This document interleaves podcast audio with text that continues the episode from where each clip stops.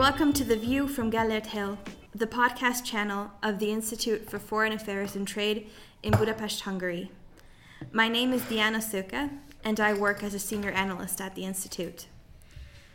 Today's podcast is recorded on the sidelines of a major conference held at our institute to commemorate the 70th anniversary of the establishment of NATO, entitled NATO at 70 Lessons Learned and Future Challenges. The discussion today will feature three distinguished senior experts. His Excellency Eimert van Middelkoop, former Minister of Defense of the Netherlands, and President of the Supervisory Council of the Netherlands Institute for Multi-Party Democracy, Lieutenant General Jürgen Bornemann, former Director General of the International Military Staff at NATO headquarters in Brussels and policy advisor to the German Atlantic Association, and last but not least, Dr. Sandis Šrāders, member of the board of the Latvian Transatlantic Organization. We will be discussing the past achievements of the alliance, as well as the major challenges ahead. NATO was founded in 1949, during the darkest years of the Cold War.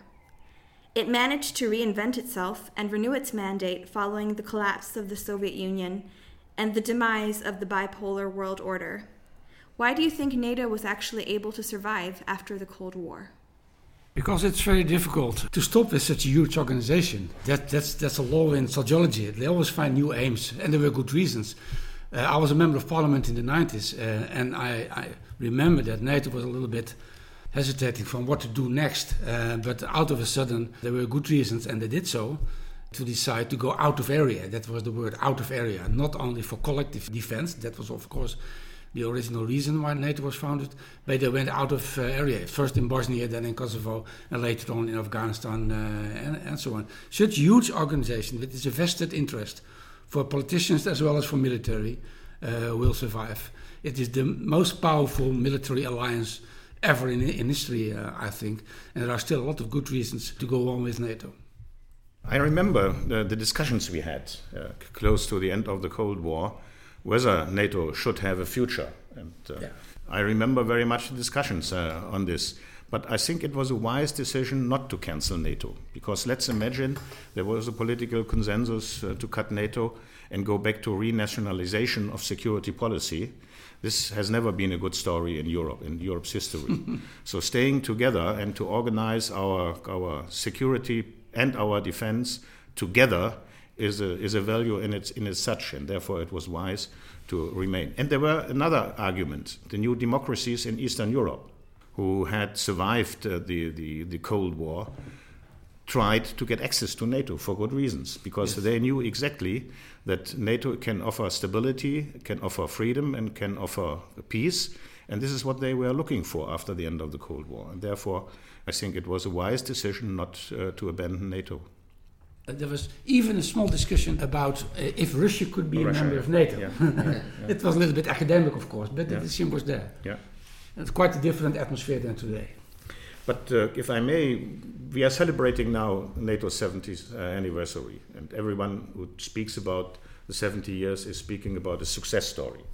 Uh, and it's quite rightly a success story. But we should never forget this year is not only 70th anniversary of NATO, it's also the 30th anniversary of the fall of the Berlin Wall, yeah. which marks the end of the Cold War. And uh, please allow me to, to mention also the Hungarian contribution to this process, because it was Hungary who has opened the Iron Curtain, yeah. which was the beginning of the of the end of the Cold War. At the end, we had the fall of the Berlin Wall and German unification. But without your contribution here in Hungary, we would have not been successful. Thank you very much, and uh, probably I would like to add a couple of points uh, from the perspective of youth that both gentlemen didn't mention yet. And I think one of the one of the ideas or the principles that are very relevant during the Cold War is that NATO nations do not fight each other, despite there are no restrictions or no limitations to that, you know, and there have been tensions and, and underlying reasons for conflict between uh, NATO members in the south. Uh, there has never been a conflict between them, yeah. and despite there there is a bunch of uh, nations and countries that NATO holds together, uh, no country has ever tried to fight each other because the underlying reason for having such alliances is to live in peace and harmony and this is the, the, the idea that uh, probably is relevant to NATO. Throughout uh, the Cold War and even uh, when it was over, when the, the, the, original purpose was lost, and probably uh, experts and some officials mentioned the possibility of Russia joining NATO. We, we now see that, for example, NATO Russia Council hasn't developed that much uh, output uh, except for some exchanges of helicopters and some practical things. Uh, there's nothing else we could refer to. So the NATO has been a very successful alliance throughout the Cold War. It is still now, and probably uh, we should uh, see how the how the NATO structure uh, and capabilities should be adapted to the emerging challenges to make the alliance more useful today.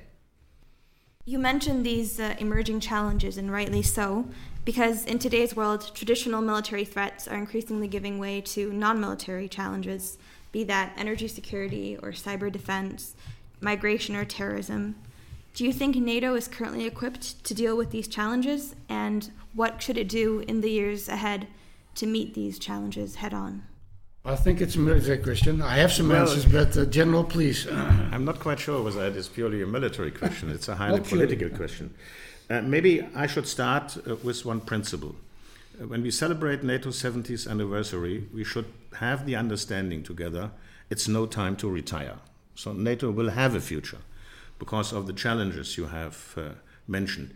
It's not only challenges uh, coming from one direction, it's challenges for, for NATO as such coming from a 360 degree uh, period. So, which means we are faced with new challenges which are non military art but which could destabilize a country maybe much more than the use of, of tanks and, and, and airplanes. But it's also political challenge which comes from the other side of the Atlantic who are questioning the future of NATO. And this is a difficult story, and this is a diff- totally different situation which we had during the Cold War. And therefore, I'm not of the opinion that we are entering a new Cold War because situation is totally different. Uh, and the reason why it is different is that we have a different threat perception in our alliance. During the Cold War, it was clear where the enemy was, was in the east. Now we have uh, problems in the east. If you go to the Baltic states, for example, talk about security, they will tell you a lot about Russia. If you go to Portugal or Spain and talk about security, will they will not talk about Russia. They will talk about North Africa. And if you go to Brussels, you will also talk about the United States of America. So a totally different situation we are faced with. And NATO has to, to, to agree to two principles. One is cohesion. We need cohesion in order to survive with NATO, but the other one is adaptation adaptation to the new situation that we have the right instruments. And this is more or less a question for the politicians. Yeah. Well, part of your question was about technology, and I think that is that will change the landscape uh, enormously in the coming years. It already started a couple of years ago with, for instance, the introduction of drones with new moral questions about uh, the rules for warfare, uh, but with this hybrid warfare, like in Ukraine, uh, for instance, uh, but also with GPS, uh, robotics, artificial intelligence. That will be the new challenge. Um, it has, as such, not so much to do with NATO uh, it's a challenge for every country. Mm-hmm. Uh, but I think NATO is a permanent, perfect channel, uh, maybe combined with the big money of the European Union to, to tackle those challenges, to find new solutions on the technological field. So, so the military world will change enormously. Even uh, I think five or six years ago in uh, the Dutch army, maybe also in the German army, we had a new command. And that was about cyber. Yeah. It's, uh, this cyber attacks. And a cyber attack? When is it a military event? When it's a political uh, thing? Those are new uh, questions, and it's absolutely impossible to give answers on a national basis. So we need the existing uh, alliance uh, to solve those questions together with the Americans. Thank you very much, gentlemen, for depicting all those, I think, very crucial challenges to the alliance. Um, and I, again, I could only add one profound, substantial, I think that is relevant for all uh, NATO members, since there's one country always willing, always capable, and always ready to discredit the alliance as such in every single member state. And I wouldn't call it a friendly act, uh, meddling into internal affairs of the German election or American election, be it Baltics, Baltic uh, political affairs. But there is a permanent presence of the R uh, word and uh, R letter in all of the all of the NATO, and probably we should. I suppose you mean Russia. yeah, yeah, Russia. Be open here. I, I, I didn't want to mention it from the Baltic states, but you just pulled out the name of, of uh, from from my mouth. It's not a surprise. Yeah, yeah. I try to be diplomatic, but um, as uh, the, as already the colleagues mentioned, you know, the, probably the eastern border has been shifted a little bit to the east, and we during NATO and during the Cold War, we are, we were investigated the, the readiness of the alliance and the partners to stand for Berlin. Uh, probably the Baltic states could be labeled as the new Berlin today because it will, it will be a litmus test for the, for the for the alliance, you know, to pledge the resources and coordinate these issues uh, for the for the common solidarity and coherence of, of the alliance of the alliance. And I'm really pleased to see that, for example, Hungary, also a small state uh, is committing to the Baltic defense by uh, by committing its resources to the uh, Baltic air policing uh, on the rotation basis. And this is how alliances should work. You know, small countries should share their limited resources to be big at the end of the day.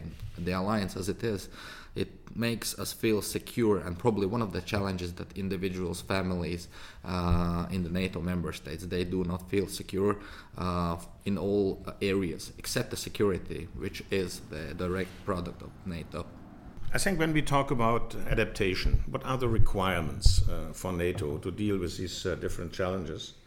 And I would mention two. This is, of course, the classical deterrence, which you were referring to when it comes to the security situation of the Baltic states.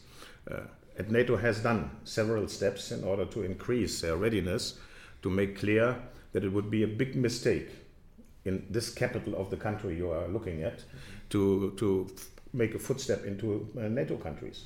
And therefore, the forward presence of several countries uh, in this region demonstrate the political will of the alliance members to guarantee the security of the Baltic states.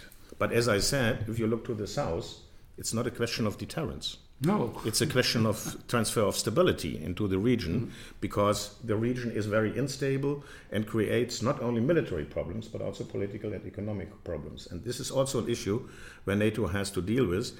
And to be honest, we have not found the right solution how to deal with and the southern have, part. And we have to do it together with the European Union. Absolutely, I couldn't agree more. Hmm?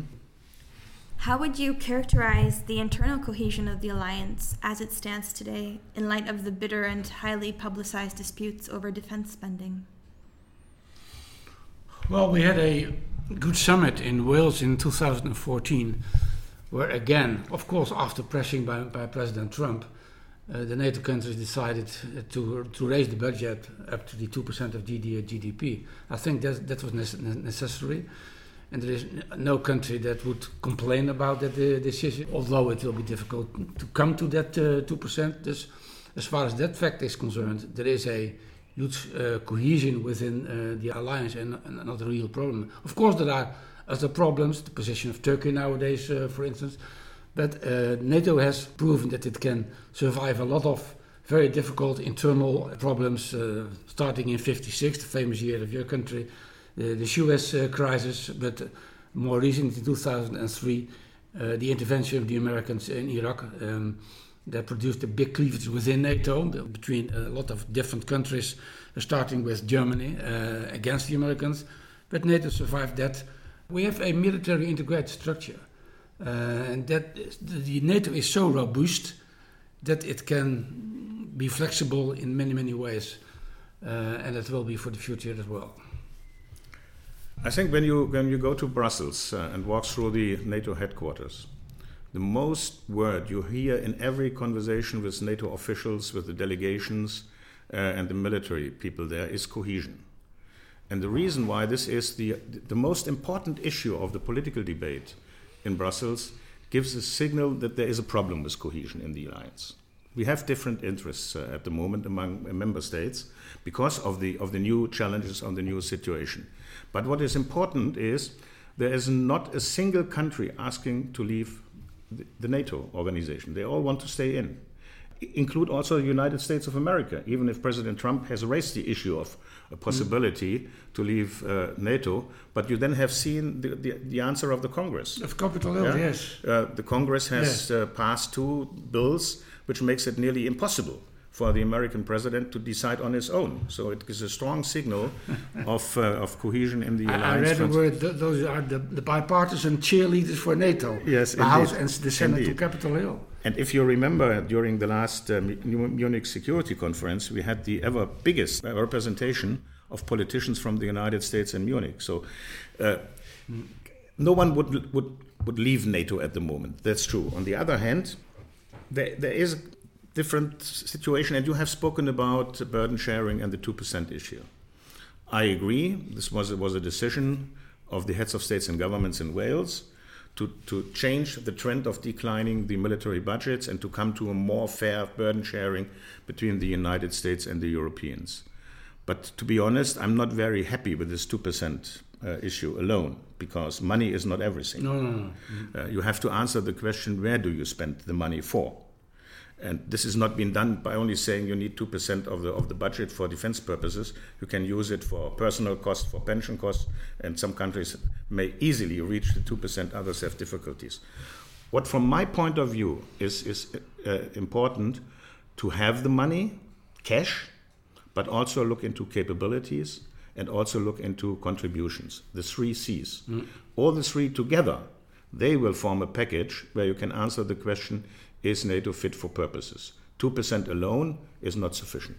And, and if you reach the commitments, the contributions, and the capabilities with 1.8 or 1.5, it's okay. That will be fine, yes. Yeah, if you reach 2% and not being able to, to, to contribute with capabilities and with commitments, you are wrong. Now, the importance of the 2%, it, and it's a very old percent, uh, percentage. I think it was formulated in, in the Cold War years.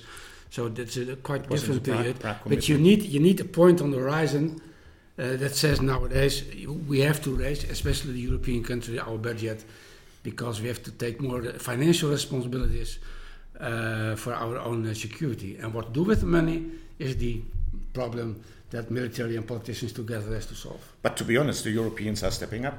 If you look into the budgets of most Yes. of the European countries over the last three years, there's an increase uh, in the budget. Mm. Example in Germany for 2018, we had an increase of 12%. Also because we budget. survived the financial crisis. to And be we honest. survived the financial crisis, yes. So Europe is stepping up, even if we would not reach the 2% as promised in, in Wales. Thank you very much, gentlemen. I think those all of those were really good ideas, especially that one that, for example, there there has been always a profound question how to let every single American president to be the president. And usually, all the institutions uh, were those that tamed the president, restricted uh, all the presidents um, before Trump, you know. And the profound question was how to let the president be the president. And this time, probably, the, the profound question is how to the president be more restricted in terms of really uh, how to say bold decisions and um, how to say harsh decisions and unexpected decisions and and uncoordinated uh, foreign policy and diplomacy. But we should also look at the benefits, you know, of Trump. And when he was elected, my mm, forecast was that uh, the defense spending in Europe should uh, increase. But what was what is more important than the pure money or the pure cash is our readiness to fight and the idea why are we, we fighting for? Why are we, we boosting our military capabilities? And probably in the Baltic states, we are all ready to stand for our, our families, for our uh, children, for our elders, for our neighbors, for that sake, also for Hungary, for the Visegrad Four that we saw as the older sisters that got into the NATO first, minus Slovakia. And they came with us thanks to Mech- Mečiar. And Madeleine Al- Albright expressed personal thanks to him because he didn't get his uh, fellow country into the NATO because of the lack of reforms. um, but that's another story. They got inside together with the Baltic states. So this is the younger sister of the older three, you know, and we are very, very th- thankful for the assistance. Uh, well, what should be done, you know, to make uh, NATO more applicable and in terms of the 2% spending? Of course, every single country should uh, commit to the simple rule.